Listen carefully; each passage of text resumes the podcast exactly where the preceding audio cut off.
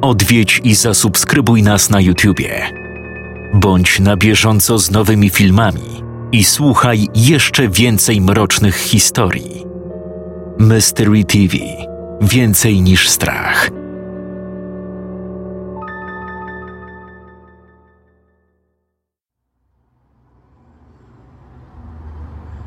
Dwa zgony w ciągu tygodnia. Wrzasnął Pietrzyk, rzucając poranną gazetę na drewniany stół. Echo uderzenia, wirując między ścianami, rozniosło się po całym komisariacie. Wyobrażasz to sobie? Przez lata w Lubianowie panował święty spokój, a teraz o naszej zapadłej dziurze huczy całe województwo. I to na dwa miesiące przed zaplanowaną emeryturą. Cholera!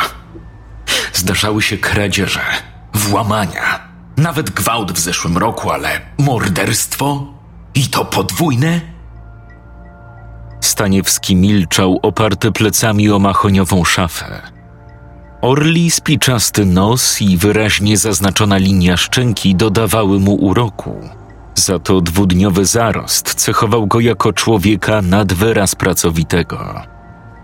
Zaciągając się mentolowym Malboro, omiótł wzrokiem grupę bawiących się za oknem dzieci, które dzierżąc w dłoniach drewniane patyki, co róż krzyczały pif, paf. Ofiary miały nie więcej niż 10 lat, prawda? Ta, zgadza się. Maja Opalska lat 6 i Michaś Bałtowski. Przeżył zaledwie dziewięć wiosen. Szlak.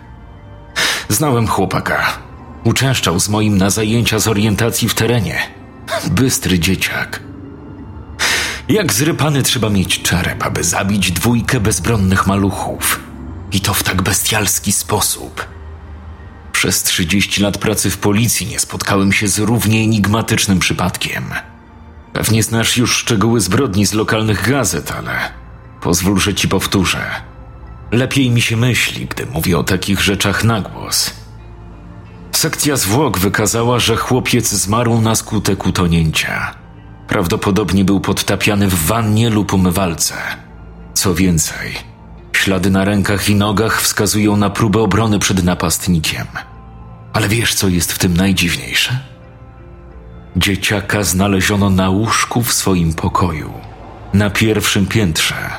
Natomiast łazienka, gdzie najprawdopodobniej dokonano zabójstwa, znajduje się na parterze. Zupełnie jakby sprawca zamordował chłopca, a potem z jakiegoś niewiadomego powodu zaniósł go na górę. Dziwne, prawda? Owszem. A co z rodzicami? Nie było ich w domu? Zarówno ojciec, jak i matka przybywali wtedy w pracy. Pod ich nieobecność chłopcem opiekowała się babcia, która chwilę przed incydentem wyszła do sklepu. To ona znalazła ciało i zadzwoniła na służby ratunkowe. Niestety było już za późno na jakąkolwiek pomoc. Adam, ten dzieciak miał zaledwie dziewięć lat, rozumiesz? Bądźmy szczerzy. Ta banda obiboków udających policjantów prędzej sama się powystrzela, niż znajdzie sprawcy tych morderstw. Dlatego tu jesteś.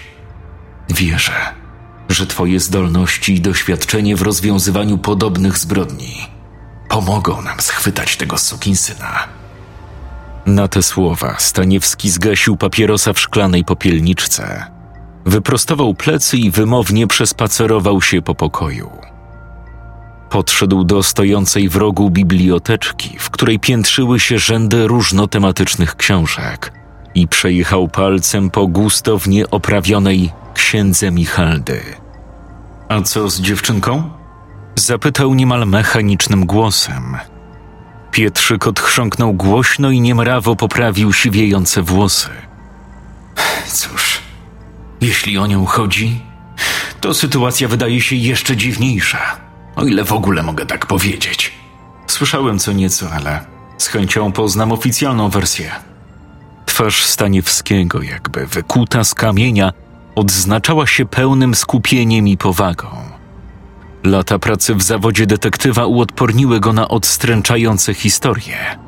Wystarczająco często widywał brutalnie pokiereszowane ciała, krwawe pozostałości po szaleńczych mordach a z rzadka nawet zdekapitowane zwłoki, aby mogło zaskoczyć go coś nowego. Powiem krótko i w miarę treściwie. Ciało dziewczynki, a raczej to, co z niego zostało, wyglądało jakby ktoś dosłownie wyssał z niej życie. W jej organizmie nie odnaleziono ani kropelki krwi. Porównałbym to do widoku pozbawionej powietrza dmuchanej lalki. Taką wiesz, do... Tak, domyślam się. Jak sądzisz, co mogło spowodować u dziewczynki takie obrażenia? O, liczyłem, że ty mi powiesz.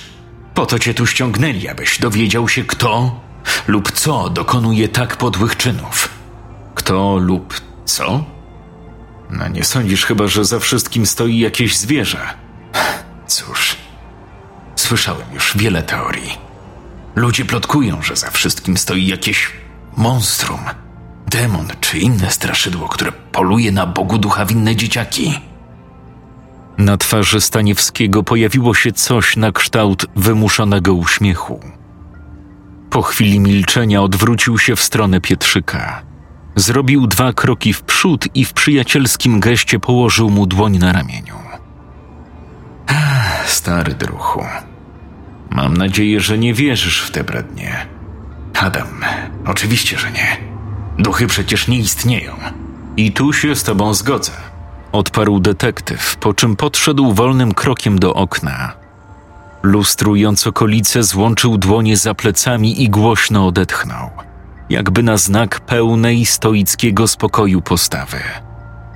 Wiedział, że oba morderstwa są ze sobą powiązane, że sprawca musi kierować się jakimś konkretnym, zagadkowym motywem, który na daną chwilę pozostaje tajemnicą. Obydwie zbrodnie łączy jedynie młody wiek ofiar i niecodzienny sposób morderstwa. Czy w przeszłości zdarzały się już podobne incydenty? Nie, tak jak mówiłem, Lubianowo to spokojne, skromne miasteczko. Tutaj nikt nie wchodzi sobie w drogę. Jedyne, co mi przychodzi na myśl, to zaginięcie małego chłopca jakieś dwadzieścia kilka lat temu. Ciała nigdy nie odnaleziono. Prawdopodobnie utopił się w pobliskim jeziorze. Miał wtedy z osiem czy dziewięć lat. Jak się nazywał? Ray. Jakiś tam. Nie pamiętam imienia. A, no i trzy lata temu pijany ojciec zmaltretował swoje nowonarodzone dziecko. Twierdził, że nie jest jego, tylko sąsiada. Aczkolwiek raczej z nim nie pogadasz. A to dlaczego? Nie żyje. Po tych słowach nastała chwila krępującej ciszy. Niewielkie obłoki tytoniowego dymu wciąż unosiły się pod sufitem. Mężczyźni spojrzeli sobie głęboko w oczy, po czym Staniewski wyciągnął kolejnego Malboro zaledwie kilka minut po spaleniu poprzedniego. Sądzę, że powinniśmy odwiedzić rodzinę Opalskich. Być może twoja, jak ty to ładnie określiłeś, banda obiboków coś pominęła i dowiemy się czegoś nowego.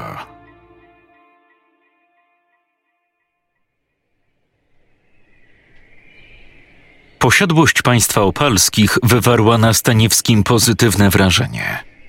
Masywny dom urządzony w barokowym stylu o kopertowym dachu i jasnych beżowych ścianach.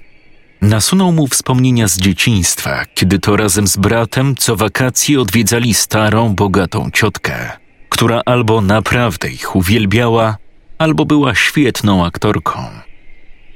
Wewnątrz posesji przed wolno stojącym domem znajdował się krótko przycięty, niemal metrowy żywopłot oraz żwirowy, równo ułożony podjazd prowadzący aż do głównej ulicy. Wokół zaś poruszane silnym, chłodnym wiatrem stały rzędy rosochatych, zwalistych drzew, nadając posesji niemal złowrogiego klimatu. Dzień dobry, w czym mogę pomóc? Zapytał beznamiętnym głosem wychodzący im na spotkanie gospodarz, pan Opalski. Dzień dobry. Nazywam się Adam Staniewski, a to jest komisarz Tomasz Pietrzyk.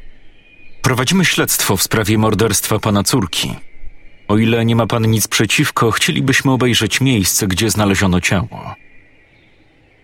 Niski, krępy mężczyzna o porowatej twarzy i wielkim, bulwiastym nosie. Skrzyżował na piersiach ręce i głośno harcząc splunął na ziemię. Uważnie obrzucił spojrzeniem niespodziewanych gości, skanując ich od stóp po sam czubek głowy, po czym zrobił krok w przód. A czego panowie konkretnie szukają? Myślałem, że wiecie już wszystko. Chcielibyśmy tylko się rozejrzeć. Być może ekipa dokonująca oględzin zwłok mogła coś przeoczyć. Wolimy się upewnić, że wszystko zostało należycie sprawdzone, aby jak najszybciej schwytać sprawcę. Gospodarz przestąpił z nogi na nogę, po czym niemrawym ruchem ręki, jakby na siłę, zaprosił policjantów do środka domu. Niech panowie wejdą. Tylko proszę nie męczyć żony zbędnymi pytaniami. Już i tak ledwo się trzyma po stracie córki. A do tego te plotki krążące po miasteczku. Że też starym babom chce się wymyślać taki brednie. Wnętrze domu, bogato ozdobione, świadczyło o niezwykle majętnym życiu państwa opalskich. Na ścianach prezentowała się misternie wykończona sztukateria, zdobione lustra oraz obrazy w złotych ramach – z sufitu w pokoju dziennym zwisał potężny, kryształowy żyrandol. Stylowe meble o pływowych kształtach i masywnych nogach występowały w ciemnej tonacji barw. Uzupełniały je wysokiej jakości tkaniny, takie jak aksamit, drobne hafty i satyna. Zwłoki mojej córeczki znalazła sprzątaczka. Nas akurat nie było w domu. O, tutaj. Zapraszam. Przeszli razem schodami na górę, po czym skierowali się do ulokowanej na lewo łazienki. Staniewski sprawiał wrażenie niezwykle skupionego, jakby chciał zakodować w pamięci nawet najmniejszy szczegół, mogący przybliżyć go do rozwiązania zagadki morderstw. Uważnie lustrując wnętrze domu, spojrzał podejrzliwie kątem oka na pana Opalskiego. Nie wydaje się pan poruszony po śmierci córki. Myli się pan. I to bardzo. Może nie widać po mnie, ale wewnątrz. Czuję się rozbity na drobne kawałeczki. Okrywam smutek za fasadą silnej postury. Już dawno popadłbym w rozpacz, gdyby nie moja żona. Ona nie radzi sobie ze stratą córeczki tak dobrze jak ja. To dla niej, czy mi się to podoba, czy nie. Muszę być silny. Staniewski spojrzał mimowolnie na Pietrzyka, który przysłuchując się rozmowie, zaczął notować coś w malutkim notatniku, nie bacząc na reakcję gospodarza. Proszę, to stało się tutaj. Pozwolicie, że zostawię was na chwilę. Muszę wrócić do swoich obowiązków. Gdybyście czegoś potrzebowali, wystarczy krzyknąć. Staniewski pomyślał, że najwyraźniej przegapił moment, w którym przeszli na ty. Dobrze. Rozejrzymy się tylko i już nas nie ma. Przez dobre dziesięć minut mężczyźni poszukiwali czegokolwiek, co mogłoby przybliżyć ich do rozwiązania zagadki tajemniczej zbrodni. Przetrząsając lustrzaną apteczkę i sprawdzając każdy, nawet najbardziej niedostępny zakamarek, odnieśli wrażenie, że ekipa od oględzin zwłok faktycznie spisała się na medal. Wewnątrz łazienki, pomimo starań, nie znaleźli nic, co mogłoby świadczyć o postępie w śledztwie. W pewnej chwili krępującą ciszę poszukiwań przerwał Pietrzyk. Adam, spójrz na to. Staniewski, jakby podniecony słowami starszego policjanta, odwrócił się w jego stronę. Pochylając się nisko, zignorował kłujący ból kręgosłupa i zrobił dwa kroki ku klęczącemu przy umywalce Pietrzykowi. Czujesz to? Ten smród? Detektyw przysunął się bliżej. Wciągając powietrze nosem, poczuł fetor stęchlizny, połączony z charakterystycznym zapachem mętnej, zamulonej wody. Smród całkowicie niewyczuwalny, gdy weszli z początku do łazienki, drażnił obecnie nozdrza, niemal przyprawiając o wymioty. Co to jest? Nie wiem. Ale bardziej od zapachu interesuje mnie ta ciecz wydobywająca się spod rur umywalki. Przypomina wodę, ale jest matowa i wyraźnie gęsta, zupełnie jak żel akrylowy. Dziwne. Na wszelki wypadek wyślijmy próbkę do analizy. Mam przy sobie próbówkę. Że też na stare lata przyszło mi babrać się w jakiejś zagadkowej mazi. I ten zapach. Jakby coś zdechło w jeziorze. Jeszcze stara pomyśli, że zamiast do pracy poszedłem na ryby i chleję wódę z kolegami. Nie martw się. Będę cię krył. A propos wódki, z chęcią wyskoczyłbym wieczorem na kilka kielonów. O, pod warunkiem oczywiście, że żona cię puści.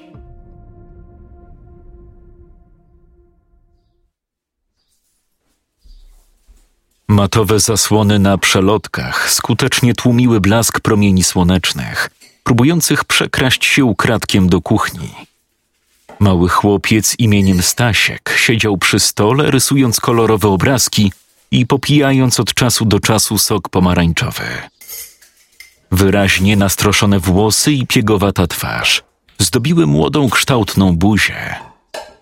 Stasiek, posprzątałeś w pokoju? Z głębi salonu rozniósł się piskliwy, kobiecy, acz niezwykle pogodny głos. Tak, mamo. A pozmywałeś naczynia? Chłopiec przerwał rysowanie kolorowych dinozaurów, aby obrzucić spojrzeniem górę piętrzących się w zlewie talerzy, garnków i sztućców. Głośno odetchnął. Odłożył na bok kredki i zeskoczył z hukiem z drewnianego krzesła. Za chwilę się tym zajmę, mamo. Wysoka kobieta o ryżych, falowanych włosach weszła z impetem do kuchni, nie przerywając próby zapięcia kwadratowych kolczyków ze wzorem labiryntu. Jej dynamiczne ruchy i szybki krok świadczyły o wyraźnym pośpiechu. Omiotła wzrokiem kuchnię. Zmarszczyła brwi, po czym zwróciła się do Staśka. Synku, muszę wyjść na godzinę lub dwie. W razie gdybyś zgłodniał, w lodówce leży schabowy i ziemniaki. Podgrzej sobie w mikrofali. Jak wrócę, ma być porządek. Pozmywaj proszę naczynia i staraj się nie rozrabiać. Bądź grzeczna, może coś dostaniesz. Dobrze, mamo. Chłopiec na oko mający osiem czy dziewięć lat. Stał w bezruchu, wpatrując się w wychodzącą z mieszkania kobietę. Czerwona sukienka we wzorzyste kwiatki dodawała jej uroku a długie, szczupłe nogi skutecznie przyciągały wzrok obcych mężczyzn, gdy tylko przechadzała się po chodniku. Minęły trzy lata, odkąd Tadeusz Malinowski, ojciec Stasia, zginął w wypadku samochodowym, zgnieciony przez tira, wracając z nocnej zmiany do domu.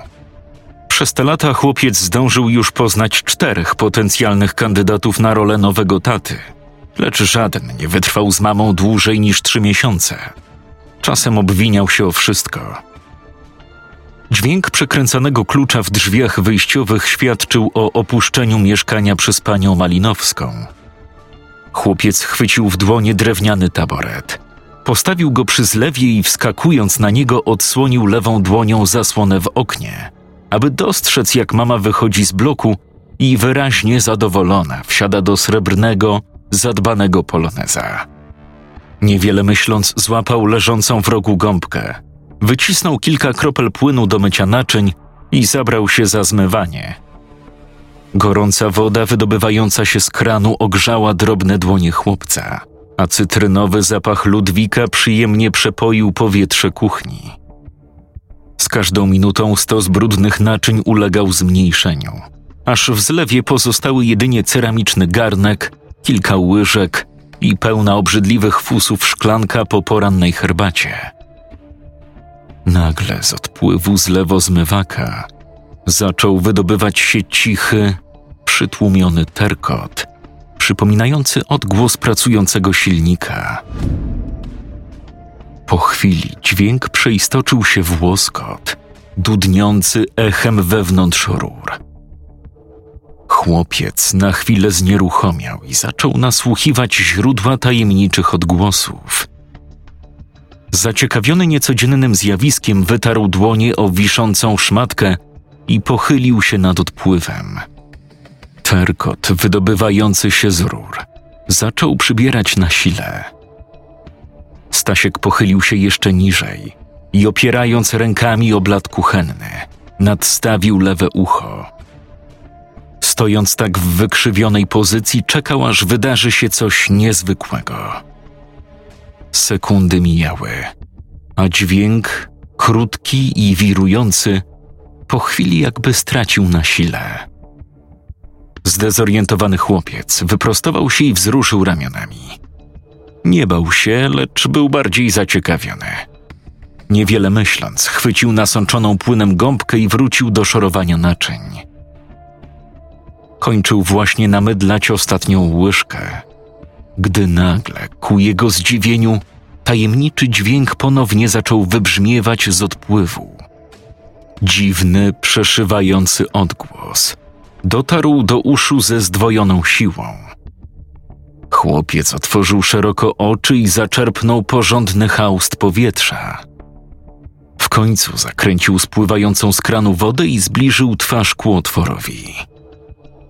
W tej samej chwili z głębi odpływu wystrzeliła mu w twarz gęsta, matowa maś, śmierdząca zgnilizną i zatęchłą kanalizacją. Stasiek wrzasnął i próbował się cofnąć, lecz jego nadgarstek został chwycony przez przezroczystą, wilgotną dłoń wystającą z odpływu. Tajemnicze coś zaczęło ciągnąć rękę chłopca w głąb otworu z nieludzką siłą, niemal rozrywając mu skórę. Centymetr po centymetrze wilgotna, niemal niewidoczna gołym okiem dłoń zaczęła chować się w odpływie, ciągnąc Staśka za sobą. Chłopiec przeraźliwie krzycząc zaczął szarpać się na boki. Próbował oswobodzić rękę. Na próżno. Palce zaczęły wbijać się w otwory odpływu, obdzierając dłoń ze skóry i mięśni aż do gołej kości, tworząc rodzaj kryzy. Po chwili nastąpił trzask i stalowy przepływ pękł, pochłaniając w głąb chłopca, aż po bark. Tajemnicza siła szarpnęła jeszcze mocniej, wyrywając całe ramię. Ścięgna zaczęły pękać, a chrząstki w stawie chrupnęły z trzaskiem.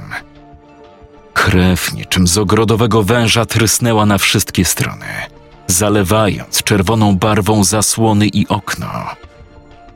Stasiek nie widział już ręki. Czuł jedynie ogromny, przeszywający ból, odbierający rozum i trzeźwość umysłu. Zamrugał oczami, a po twarzy spłynęły mu łzy. Po chwili poczuł, jak powieki mimowolnie zaczynają opadać, pozbawiając go widoku światła dziennego. Był zbyt zszokowany, by choćby krzyknąć. Z braku sił osunął się na podłogę i przybrał pozycję embrionalną. Powoli, nieśpiesznie, zamykając oczy, wytworzył w umyśle widok przytulającej go matki. Ostatnie wspomnienie w jego życiu. Cichutko szlochając, poczuł, jak ucieka z niego życie.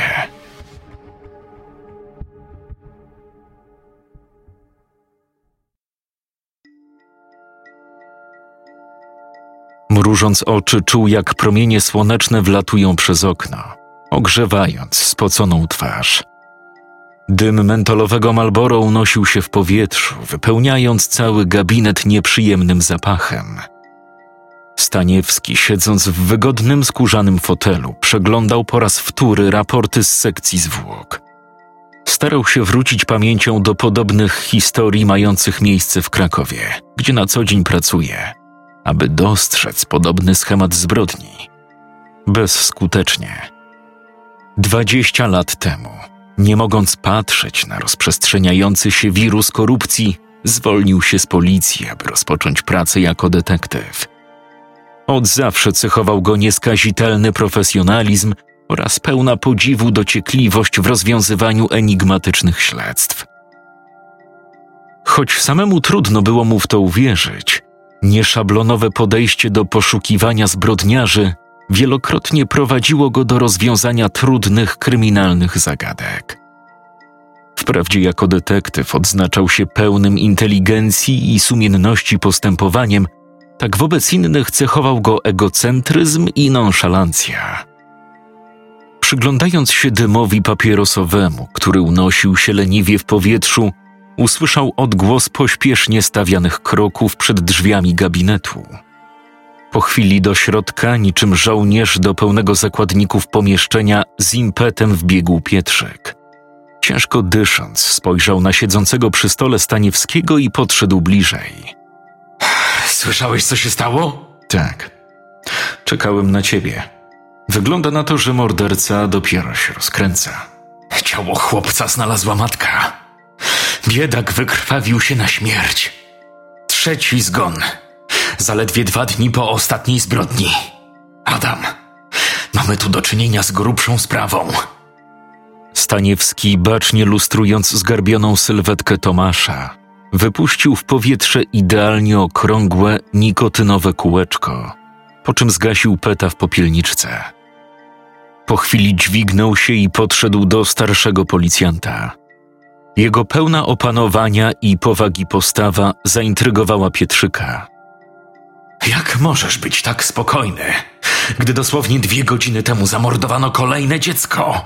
Dobry policjant to taki, który potrafi stłumić w sobie emocje, aby z rozwagą i świeżym umysłem dostrzec to, czego nie mogą inni. Co chcesz przez to powiedzieć? Chcę powiedzieć, drogi przyjacielu, że czym prędzej musimy odwiedzić mieszkanie państwa Malinowskich. Czuję, że znajdziemy tam coś, co przybliży nas do rozwiązania zagadki tych morderstw.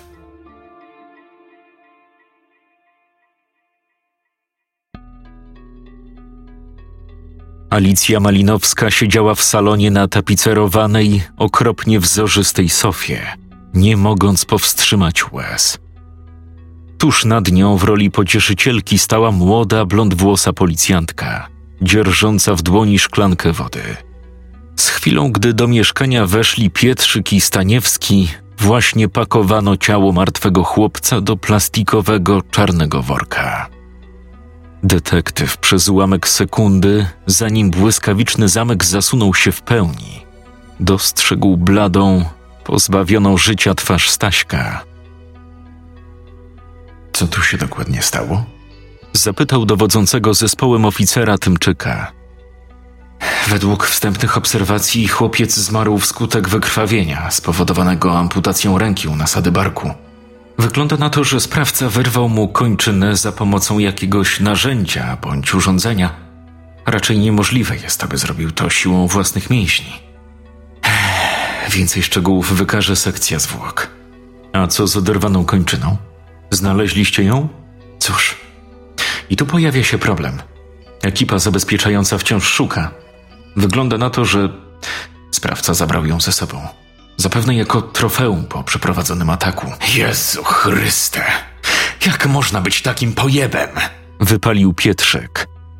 Staniewski spojrzał na niego lekceważącym wzrokiem. Rozumiem. Znaleźliście coś jeszcze? Coś nadzwyczajnego? Odkryliśmy śladowe ilości dziwnej, gęstej i charakterystycznie śmierdzącej substancji w okolicy zlewozmywaka. To znaczy w miejscu, gdzie dokonano ataku. Pobraliśmy próbki i wysłaliśmy do ekspertyzy. Chłopaki z laboratorium mają je zbadać i czym prędzej podesłać wyniki. Dziwne. Coś podobnego widzieliśmy w domu opalskich. Wygląda na to, że mamy pierwszą poszlakę. I jest jeszcze coś. Uszkodzenia doznał zlewozmywak wraz z częścią rur odpływowych. W przewodach znaleźliśmy liczne ślady krwi i kawałki ludzkiego mięsa. Choć zabrzmi to, powiedzmy, przedziwnie, możemy domniemywać, że kończyna chłopca została wchłonięta przez odpływ odprowadzający wodę ze zlewu. Słysząc te słowa, Pietrzyk nerwowo wyciągnął papierosa. Sięgnął po zapalniczkę i niespokojnie, jakby w przypływie nagłego szaleństwa, zaczął spacerować po mieszkaniu. Choć przez lata pracował w miejscowej policji, nigdy nie miał do czynienia z równie odrażającymi zbrodniami. Chyba nie chcesz mi powiedzieć, że sprawca w jakiś magiczny sposób skurczył się do rozmiarów piłeczki ping-pongowej, schował w odpływie i z nadludzką siłą wyrwał biednemu chłopakowi rękę. Tymczyk nie odpowiedział. Wzruszył tylko ramionami i spuścił wzrok. Niemalże jak dziecko wywołane do tablicy, nie znające podstaw tabliczki mnożenia. Tak jak wspominałem, więcej dowiemy się po sekcji zwłok. Tymczasem muszę was przeprosić. Czeka mnie jeszcze sporo roboty. Staniewski, lekko podirytowany absurdem sytuacji, podszedł bliżej miejsca ataku i bacznie omiótł wzrokiem całą przestrzeń. Wszędzie widział tylko rozlaną niemal po całej kuchni krew, resztki oderwanej skóry oraz drobne kawałki ludzkiego mięsa. Poczuł narastający wewnętrzny niepokój i potrzebę wsadzenia za kratki tajemniczego mordercy. Choć z początku odrzucał tę myśl, przyszła mu do głowy obawa, czy aby na pewno jest w stanie rozwiązać zagadkę tych brutalnych morderstw.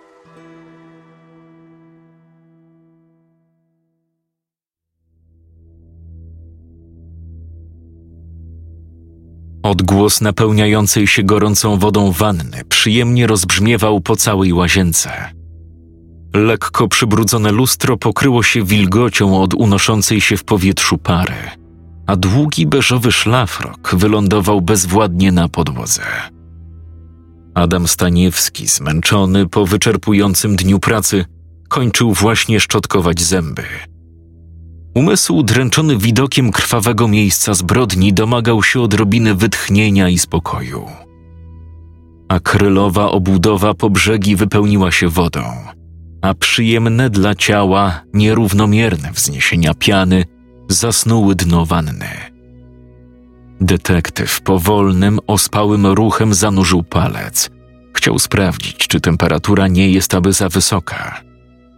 Po chwili całe jego ciało znalazło się w wannie. Leżąc po brzegi w gorącej wodzie, nie mógł oderwać myśli od wspomnień dzisiejszej zbrodni. Starał się w głowie rozszyfrować zagadkę tajemniczej mazi, mającej związek ze wszystkimi trzema morderstwami. Gęsta, śmierdząca ciecz. Dlaczego pojawia się we wszystkich miejscach zbrodni? Analizując dokładnie sposób postępowania zabójcy, doszedł do wniosku, że wszystkie ataki miały związek pośredni lub bezpośredni z wodą. Michaś został najpewniej utopiony w wannie. Maja Opalska została znaleziona martwa w łazience, całkowicie pozbawiona krwi i wszelakiej cieczy z organizmu. A dzisiejszy przypadek śmierci syna pani Malinowskiej miał miejsce przy zlewozmywaku, gdzie chłopiec mył naczynia. Detektyw powoli angażując się w sprawę emocjonalnie, chciał poznać odpowiedź na nurtujące go pytanie. Dlaczego sprawca wybrał akurat te dzieci? Błogie rozmyślania przerwał cichy, lekko przytłumiony stukot, dobywający się z rur umywalki ulokowanej w rogu łazienki. Dźwięk narastający z każdą sekundą sprawiał wrażenie, jakby wygłodzone stworzenie pośpiesznie przebijało się przez rurociąg. Staniewski poczuł uderzającą falę niepokoju, która zalała jego ciało i wspierając się łokciami wyprostował plecy. Obrócił głowę w kierunku umywalki. Uporczywy stukot zdawał się preludium do czegoś niedobrego czegoś ukrytego głęboko przed wzrokiem detektywa.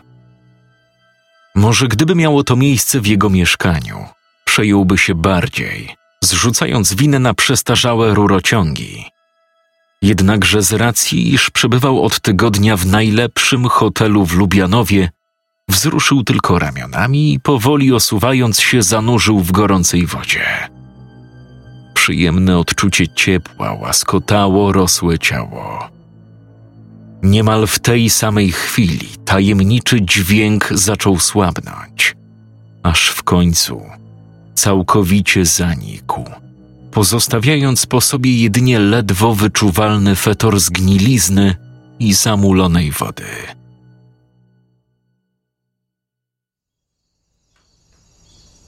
Promienisty blask poranka delikatnie ogrzewał ramiona młodziutkiej Ani Dziewczynka odziana w zwiewną czerwoną sukienkę siedziała na trawie przed domem. Wyprawiała kameralne przyjęcie dla lalek Barbie. Nieskazitelne maniery wobec plastikowych koleżanek świadczyły o dobrym wychowaniu i grzeczności dziecka. Smakuje ci herbatka, Tosiu? Tak, jest bardzo pyszna. W oddali poruszane ciepłym wiatrem szumiały liście rosochatych dębów. Gdzie niegdzie słyszalny był piękny śpiew ptaków. Matka Ani, młoda, lecz niezwykle chorobliwa kobieta, drzemała smacznie na łóżku. Wokół piętrzyły się góry zużytych chusteczek i sterty porozrzucanych po podłodze ubrań. Pomimo letniego klimatu i ciepła na zewnątrz, pani Cichocka złapała przeziębienie. Zapewne pod wpływem obniżonej odporności. Ojciec dziewczynki, Witold Cichocki, siedział w swoim gabinecie, starannie wertując służbowe pisma. Jego wielka, zwalista sylwetka nie pasowała do klasycznego wyobrażenia urzędnika. Pochłonięty pracą, którą powinien skończyć na wczoraj, popalał co chwilę smakową cygaretkę z filtrem, nie bacząc na bawiącą się za oknem córkę. Dziewczynka po chwili zabawy wstała, strzepała z nóg suchą ziemię i chwytając pod pachę lalki, dziarskim krokiem ruszyła ku drewnianej szopie z narzędziami. Uśmiech nie schodził jej z buzi. Nucąc pod nosem piosenkę Puszek okruszek, pełna pozytywnej energii, radośnie podskakiwała. W chwili, gdy zbliżyła się do drewnianej szopy ojca, w której trzymał różnego rodzaju narzędzia, uszu dziewczynki dobiegło ciche, ledwo dostrzegalne bulgotanie. Dźwięk wydobywający się z kamienistej studni przypominał odgłos gotującej się wody. Zaciekawiona Ania podeszła bliżej, zapewne myśląc, że ma do czynienia z którymś z magicznych stworzeń z wieczornych bajek. Odważna, niczego nieświadoma dziewczynka wykonała trzy szybkie kroki w stronę tajemniczego bulgotania. Ania nachyliła się nad kamienną studnią, wypatrując jakiegoś ruchu w głębinie. Mroczna, bezkresna ciemność zdawała się rozciągać aż do jądra ziemi. Po chwili wiatr jakby ustał, a tajemniczy odgłos bulgoczącej wody zaczął przybierać na sile, co jeszcze bardziej rozbudziło ciekawość dziewczynki. Oparta rękami o zimną obudowę studni, wychyliła się w głąb, niemal stając na palcach – i otworzyła szeroko usta z zamiarem krzyku. Halo? Jest tam ktoś? Halo? Odpowiedziała jej cisza. Z głębi, nie licząc uporczywego bulgotania, nie wydobył się żaden odgłos mogący świadczyć o obecności kogoś żywego.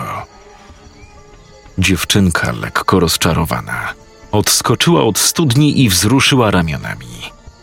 Nie tego się spodziewała. Tracąc wszelkie nadzieje na możliwe przeżycie niezwykłej przygody, odwróciła się na pięcie. Wykonała krok przed siebie, po czym momentalnie zamarła.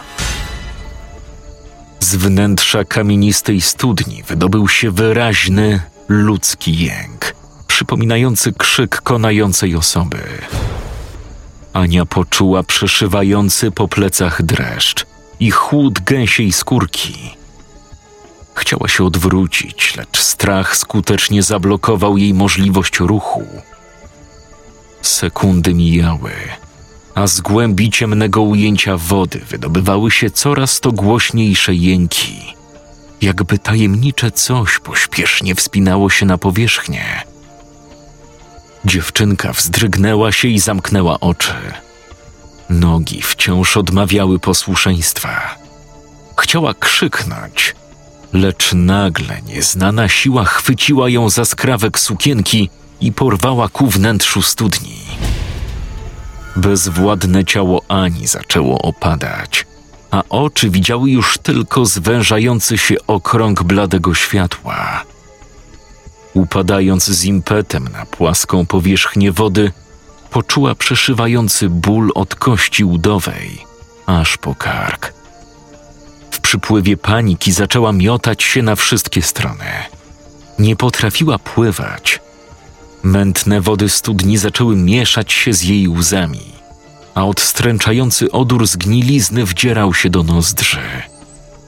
Ania krzyczała, łykając co rusz haust zimnej, obrzydliwej cieczy. Policzki zrobiły się blade, a dłonie od otarć o kamieniste wnętrze zaczęły pokrywać się krwią. Mętna, pełna wzburzonego szlamu woda zatarła obraz jaskrawego światła na niebie. Po chwili poczuła szarpnięcie za kostkę. Niedawno oczekiwany stwór z bajki okazał się niosącym śmierć złowrogim bytem. Siła, z jaką ciągnięto dziewczynkę w dół, zanurzyła ją w pełni pod wodą.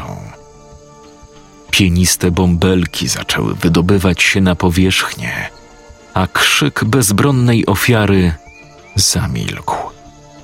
Ostatnie, o czym pomyślała Ania przed śmiercią, to prośba, aby mama wyzdrowiała.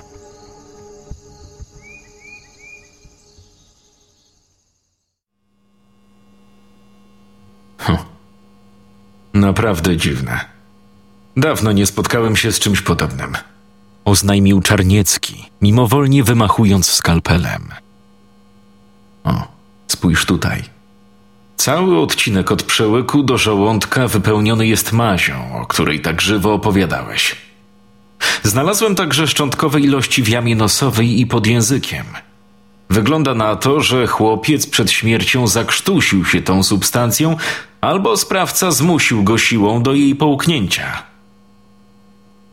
Staniewski wymownie zmarszczył brwi. Odruchowo rozejrzał się po kafelkowych ścianach prosektorium, po czym schował dłonie w kieszeniach spodni.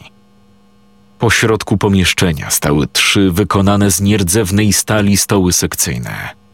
Na jednym z nich, tuż przy detektywie, leżały zwłoki martwego syna pani Malinowskiej, blade i zimne. Ciało pozbawione prawej ręki oświetlał blask jarzeniowych lamp. Doktor Czarniecki, odziany w biały niczym śnieg fartuch, sięgnął po leżące obok woreczki polietynelowe, aby schować w nich drobiny brudu spod paznokci chłopca. Więc mówisz, że ekspertyza wykazała znaczne ilości wody z pobliskiego jeziora w badanej cieczy? Cóż, brzmi to dosyć niewiarygodnie. Owszem, mnie też to zdziwiło. Zastanawiam się tylko, jakim sposobem dostała się do mieszkań wszystkich trzech ofiar. Ciężko stwierdzić. Być może wdarła się do rurociągów? Choć szczerze w to wątpię. Pomyśl tylko. Wszystkie morderstwa miały związek właśnie z tą cieczą. Możliwe, że sprawca często odwiedza lokalne jezioro, bądź nawet mieszka w okolicy. Jeśli tak, przesłucham każdego, kto mógłby być powiązany z tym miejscem. Rybaków, wędkarzy, wszystkich. Jeżeli chodzi o jezioro, był kiedyś pewien przypadek. Być może słyszałeś, że na początku lat 70., jakieś 25 lat temu, zaginął w Lubianowie chłopiec imieniem Wojtuś. Dokładnie Wojtuś Rej. Pamiętam, jakby to było wczoraj. Akcja zakrojona na szeroką skalę. Milicja, straż pożarna, nawet wolontariusze. Wszyscy szukali dzieciaka. No ale niestety, pomimo usilnych starań ciała nigdy nie odnaleziono. Prawdopodobnie utonął w jeziorze. A wiadomo coś więcej? A, przesłuchano dziesiątki świadków. Sprawdzono kilometry terenu, ale bezskutecznie. Trop urwał się na bandzie dzieciaków, która podobno widziała chłopca jako ostatnia. Dziś pewnie pozakładali własne rodziny. Po chwili Czarniecki zamarł. Pochylił głowę i szeroko, z wyraźnym psychicznym wysiłkiem, zadumał się, jakby próbując sięgnąć pamięcią do odmętów własnego umysłu. Adam, o ile się nie mylę, jednym z tych dzieciaków był ojciec Opalskiej, tej, która zginęła kilka dni temu. Sądzisz, że. Staniewski szeroko otworzył oczy. Tak, to w sumie prawdopodobne. Być może sprawca zamierza dokończyć dzieła, polując na dzieci tamtej bandy. Pamiętasz może nazwiska tych wszystkich świadków? Aż tak dobrej pamięci to ja nie mam niestety.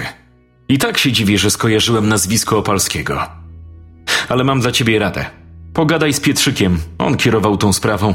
Z pewnością trzyma jeszcze stare akta w archiwum.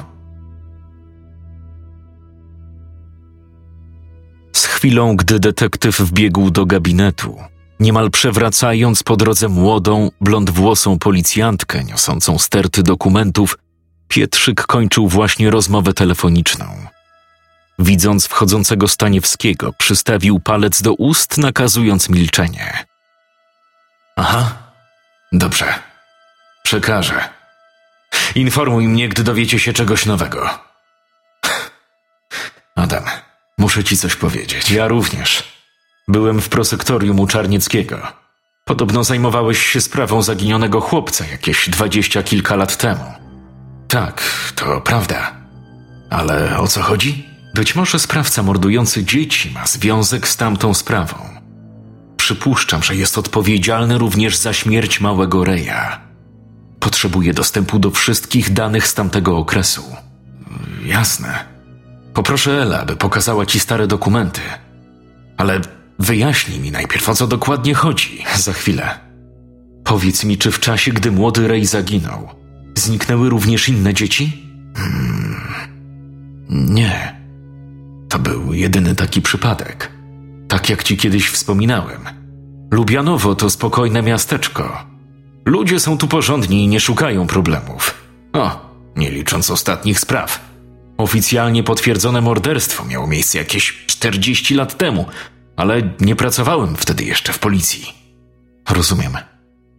Sądzę, że sprawca zamierza wymordować potomstwo dzieciaków, które widziały Reja jako ostatnie. Dziś są już dorośli. Jeżeli moja teoria jest prawdą, to nie mamy zbyt wiele czasu. Dobrze. Nie sądziłem, że stara sprawa może mieć jakikolwiek związek z obecnymi zgonami. Ale teraz moja kolej. Otrzymałem powiadomienie o znalezieniu kolejnej ofiary. Ciało nieżywej dziewczynki, Ani Cichockiej, odkryto w studni znajdującej się na terenie posesji. Dziecko zmarło na skutek utonięcia. Na razie nie wiemy, co doprowadziło do tego zdarzenia, ale ekipa zabezpieczyła już teren. Co więcej, znaleziono ślady gęstej, śmierdzącej cieczy, tej samej, którą wykryto na pozostałych miejscach zbrodni. Pozwala nam to przypuszczać, że sprawcą jest poszukiwany przez nas morderca. Cholera. To już czwarta ofiara. Nie ma na co czekać. Musimy porozmawiać z rodzicami dziewczynki. Przy okazji skoczymy jeszcze do archiwum po dokumenty ze sprawy Reja. Chcę się dowiedzieć, o co tu dokładnie chodzi. Koniec części pierwszej. Scenariusz Adrian Iwaniak. Czytał Jakub Rutka.